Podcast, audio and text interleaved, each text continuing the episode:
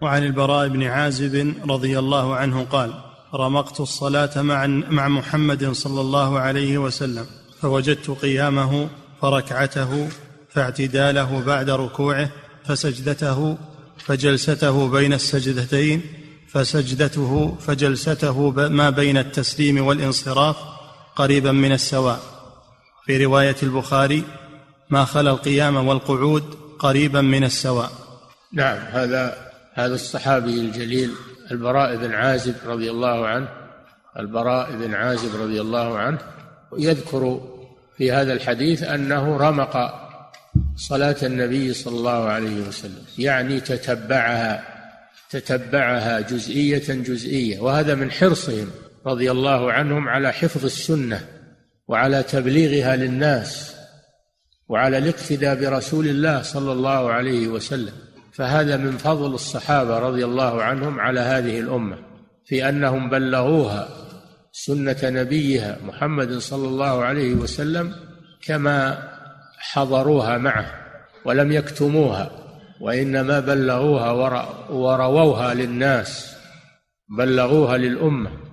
فهذا الحديث يفيد أن صلاة النبي صلى الله عليه وسلم متقاربة في التطويل فإذا طول القيام طول الركوع والسجود والجلوس بين السجدتين وإذا خفف القيام خفف الركوع والقيام بعد الركوع وخفف السجود وخفف الجلوس بين السجدتين.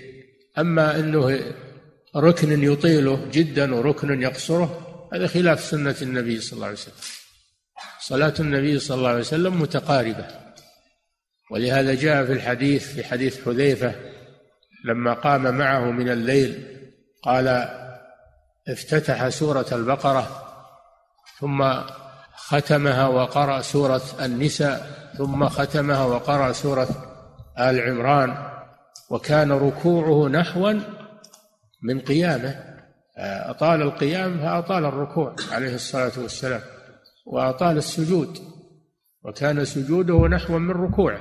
فهذا فيه أن الصلاة تكون متناسبة لا يكون بعضها طويلا وبعضها قصيرا بل تكون متناسبة.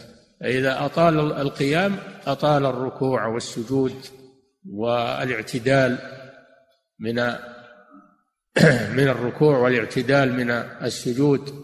وإذا خفف القيام خفف هذه الأركان متناسبة. التخفيف الذي لا يخل بالصلاة.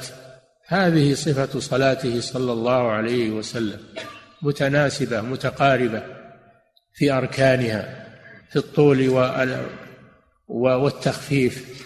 أما أنه يطول القيام ويخفف الركوع أو يطول الركوع ويخفف السجود أو يطول سجدة ويخفف السجدة الثانية هذا خلاف السنة بل يراعي أن تكون صلاته متقاربة في أركانها متناسبة كما كان النبي صلى الله عليه وسلم يفعل ذلك وهو القدوة عليه الصلاة والسلام.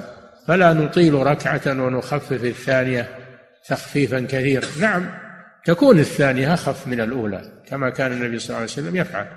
ولكن لا تكون خفيفة جدا تكون متناسبة مع الأولى.